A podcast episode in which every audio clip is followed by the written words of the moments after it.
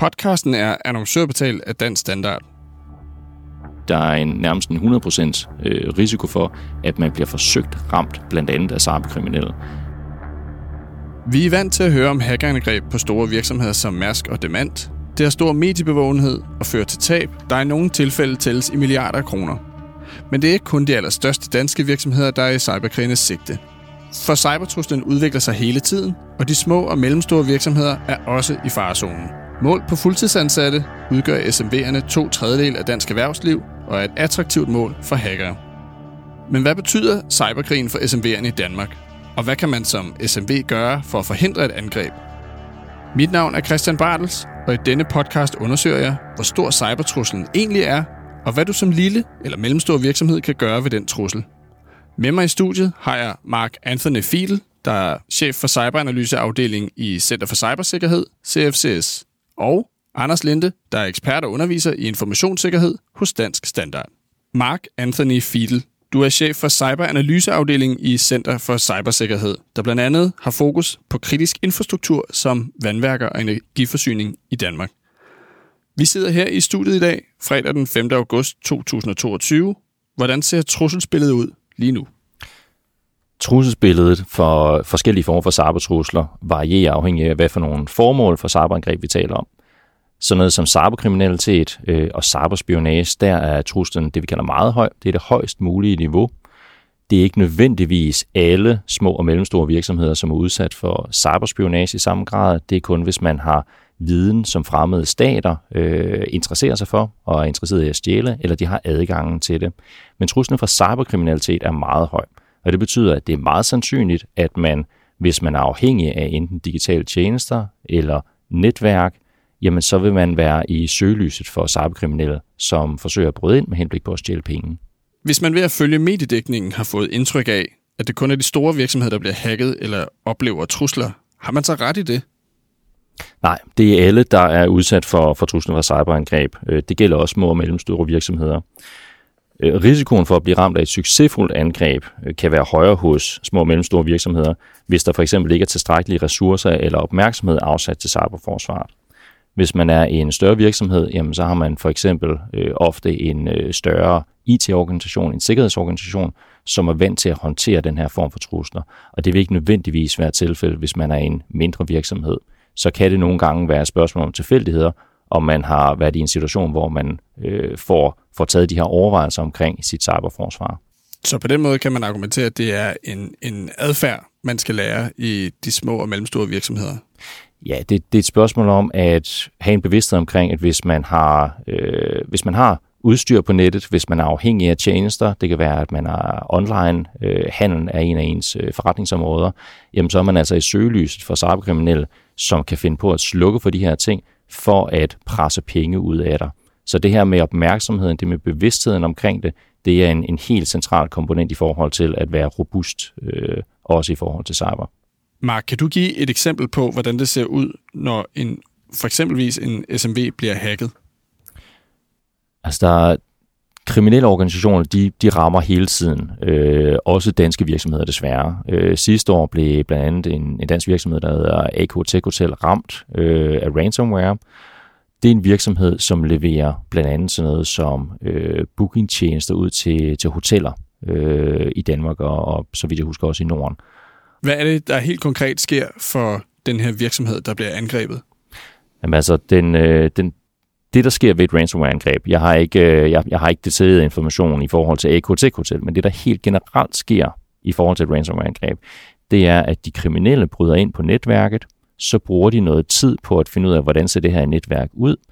De øh, slår øh, typisk sådan noget som backup og antivirus fra, og så trykker de på knappen, og så bliver alle data eller systemer, som de har haft adgang til, krypteret. Og så bliver der efterladt en lille note inde på maskinen, som øh, den, den retmæssige bruger så ser, hvor der står, ja, vi har hacket dine systemer. Hvis du vil have adgang til dem igen og have dem dekrypteret, så skal du betale x øh, antal valuta, typisk i noget kryptovaluta. Og det er, det er den forretningsmodel, de kriminelle de ligesom kører på. Det er, at de, de tjener deres penge ved at afpresse offrene, øh, som de så rammer i forhold til det her. Og når en sådan virksomhed bliver ramt, der leverer tjenester ud til andre, så, så skaber det en form for kaskadeeffekt, sådan at deres kunder øh, lige pludselig heller ikke kan gøre det, de nu engang skal gøre. I hotellernes tilfælde, så er det sådan noget som booking og betaling og altså have styr på, øh, på, på en central del af deres forretning. Så når en virksomhed, som, som leverer de her tjenester, bliver ramt, i det her tilfælde AK Tech Hotel, jamen så har det altså en kaskadeeffekt ud i forhold til andre virksomheder, både store og små. Og hvor lang tid er man om at udbedre sådan en skade her? Det, det kan variere utrolig meget. Øh, så vidt jeg husker, så i AK Tech Hotels øh, tilfælde, så mener jeg at have læst, at de var oppe og køre igen efter i stedet mellem en og to uger. Så det gik, gik relativt hurtigt. Men, men igen, øh, for sådan noget som hoteller, øh, når de ikke kan, kan have styr på deres bookinger og gæster og betalinger, jamen så er det jo penge, der går direkte ud af bundlinjen hver eneste dag. Øh, så, så man kan sige, en, en, en dag i det her tilfælde øh, koster jo rigtig, rigtig mange penge. Hvis vi taler om hackernes fremgangsmåde, er der så hold i udsagnet om, at hackerne skyder med spredhavl for at identificere sårbarheder? De kriminelle hackere de øh, har et en slags økosystem, hvor nogle er meget opportunistiske og går efter at komme ind der, hvor det er lettest. Og det betyder også, at der går man bredt, man scanner efter sårbarheder på, øh, på internettet, og det vil sige, at hvis man for eksempel har noget infrastruktur, som er sårbart, jamen så forsøger de at komme ind der. Og der kan man sagtens øh, sige, at der skyder de med spredehavn, fordi der forsøger de at komme ind alle vejene. De forsøger så nogle gange, de her kriminelle, at sælge de her adgange til nogle andre kriminelle grupper, som forsøger at bryde ind mere målrettet. Så der er helt sikkert et element af spredehavl, men der er også nogle kriminelle organisationer, som derefter forsøger at bryde ind med henblik på at låse systemerne ned og afpresse offrene man fornemmer næsten, at der er det er den her gamle logik om, at øh, tyven skal gå videre til den næste bil eller det næste hus, øh, fordi man har beskyttet sig. Vi har jo talt om, at det er ret svært at sætte tal på. Øh, kan, vi, kan vi på anden måde indfange et omfang? Øh... Altså, vi kan, jeg kan i hvert fald fortælle jo, at hvis man har digitale tjenester, som er på internettet, jamen så vil de blive udsat for automatiseret forsøg på angreb. Så det vil sige, at der er en nærmest en 100% øh, risiko for, at man bliver forsøgt ramt, blandt andet af cyberkriminelle, som vil øh, forsøge at kompromittere ens netværk. Kan du give et eksempel på en tjeneste, man måtte have på internettet? Er det for eksempel, hvis man har øh, et e-mailsystem? Det kan være sådan noget som e-mailsystem, men det kan også være mange, mange små og mellemstore virksomheder øh, gør ganske fornuftigt det, at de bruger sådan noget som IT-serviceudbydere, øh, altså hosting providers til at levere deres infrastruktur, deres internetforbindelser, deres øh, webserver og deres hjemmesider. Og de blev også ramt blandt andet af cyberkriminelle. Og det betyder blandt andet, at nogle af de her IT-serviceudbydere, hvis de bliver ramt, jamen så er det alle deres kunder, der potentielt set også kan blive ramt af det her. Så det betyder også, at man som små øh, eller, eller som lille eller mellemstor virksomhed, jamen så skal man også have overvejelser i forhold til sine leverandører øh, og sørge for at, at fokusere ind på, at man men også spørge ind til, hvor robuste leverandøren er i tilfælde, at de bliver ramt af et cyberangreb. Det kunne godt lyde som om, at en nutidig dansk SMV bliver nødt til i et eller andet omfang at have services på nettet, og man derfor er i målgruppen, så at sige. Ja, jeg, vil, jeg vil vurdere, at det er meget, meget få virksomheder, som ikke i en eller anden omfang er afhængige af tjenester øh, på eller via internettet. Øh, det er klart, at alle dem, der har at gøre med online-handel, jamen de er jo afhængige af internetadgangen, og at deres services er oppe og køre, for at kunne køre deres forretningsmodel. Øh, men, men andre kan også være afhængige af det i forhold til sådan noget som fakturering, kontakt med kunder og den slags ting, hvor det ikke nødvendigvis er lige så tidskritisk, men, men hvor man stadigvæk har en afhængighed. Og der er det altså rigtig vigtigt, at man er, man er klar over, jamen hvis ens øh, IT-serviceudbyder for eksempel bliver ramt af det her, og man ikke kan tilgå sine ting, jamen hvad er det så, man kan gøre? Altså har en, en form for beredskabsplan øh, klar på det. Men hvad er det, som jeg har i en SMV, som er interessant for en hacker? Hvad kan de bruge det til, at jeg, hvis jeg arbejder som journalist på børsen, sender mails rundt, interviewer kilder og skriver artikler i et CMS-system for eksempel? Det kan de cyberkriminelle ikke nødvendigvis bruge til noget, men hvis man skal sige en positiv ting omkring de cyberkriminelle, så er det, at de diskriminerer ikke. De er sådan set fuldstændig fløjtende ligeglade med, hvem det er, de tjener deres penge på. Og det betyder også, at hvis de kan tjene penge på en stor virksomhed, så rammer de den. Hvis de kan tjene penge på for eksempel at snyde øh, penge via pengeoverførsler ud af en mindre virksomhed, så gør de også det. Så det her, det handler om, at der er nogle kriminelle, som går på arbejde hver eneste dag, så at sige, for at tjene deres penge ved at stjæle, bedrage og afpresse. Og det er de altså desværre rigtig, rigtig dygtige til. Det er en god forretningsmodel for dem. Øh, og der vil man også sagtens kunne være i søgelyset, selv hvis man ikke har noget information, der sådan set vil være interessant for omverdenen. Fordi det, man har, det er nogle penge, som nogle kriminelle vil forsøge at presse ud af en, eller svinde en ud af en. Anders Linde, du er ekspert og underviser i informationssikkerhed hos Dansk Standard. Og Dansk Standard udbyder en, ja, det er navnet, en standard, en slags manual i god informationsskik, som hedder ISO 27001. Hvad går den ud på? Jamen ISO 27001 er en, øh, en, en standard, som opstiller nogle krav til processer eller aktiviteter, som en organisation bør etablere. Og, øh, og det er en standard, hvor man ikke får serveret en facitliste og får at vide, at du skal bruge følgende anti antivirus software eller følgende krypteringsniveau, men hvor man bliver bedt om at forholde sig til en række processuelle krav, forholde sig til en række forskellige aktiviteter, som vel egentlig leder til, at man på basis af de produkter og de services, man leverer, enten man er en SMV eller en større organisation, finder ud af, hvad det er for et beskyttelsesniveau, man har brug for. Og det vil sige, der ligger, når man arbejder med 27001, en erkendelsesproces, hvor man starter med sin forretning, forholder sig til, hvad man er sat i verden til at gøre og bedrive, udpeger de informationer, man i den forbindelse trækker på, og begynder at forholde sig til, hvad det er for risici, der kan ramme de informationer, og dermed gøre skade på forretningen. Og behøver jeg være IT-ekspert for at kunne finde ud af det?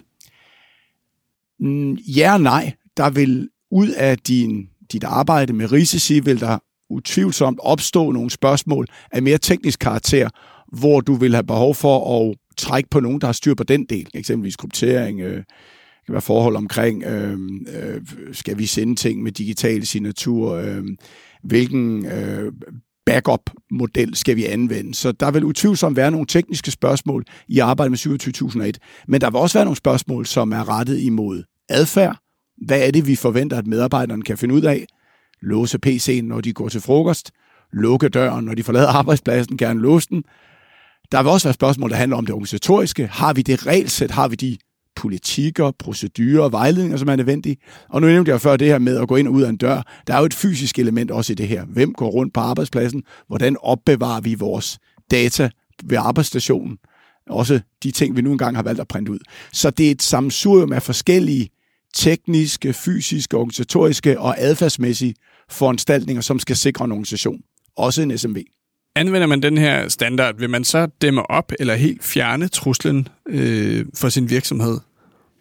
Nu, øh, nu nævnte Mark før for eksempel en hacker, og, og vi kan ikke rigtig fjerne hackeren. Øh, det, det, det, man, vil, man vil sådan sige, at det er noget, der, der lidt er givet, der ligger uden for, for vores domæne. Det er få trusler, vi egentlig kan fjerne. Det, som 27.001 påkræver, er, at vi forholder os til risici. At vi vurderer de risici, som vores organisation er eksponeret overfor, og sætter ind med nogle passende foranstaltninger. På den måde nedbringer vi nogle risici. Vi fjerner ikke truslerne, men vi gør forhåbentlig organisationen mere sikker, mere robust i forhold til at takle de trusler, vi står overfor. Venten det er en tyv, der øh, baller vinduet, eller det er en hacker, der kommer ind den digitale vej. Kan man som SMB stadig have blinde vinkler, selv efter man har indarbejdet den her standard? Det, øh, det, det kan og vil alle organisationer formentlig have. Øh, der er jo blandt andet den blinde vinkel, der simpelthen ligger i, at der øh, løbende opstår nye trusler, som ingen af os har set udfoldet, og, øh, og af gode grunde kan vi ikke forvente, at vi har opbygget den modstandsdygtighed, der er forventet.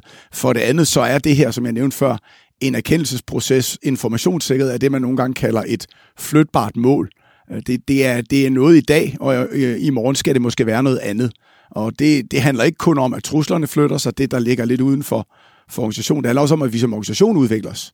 Pludselig gør vi brug af øh, nye teknikker, vi leverer nye produkter, vi trækker på andre informationer. Vores størrelse, vores kontekst, vi arbejder i, ændrer sig.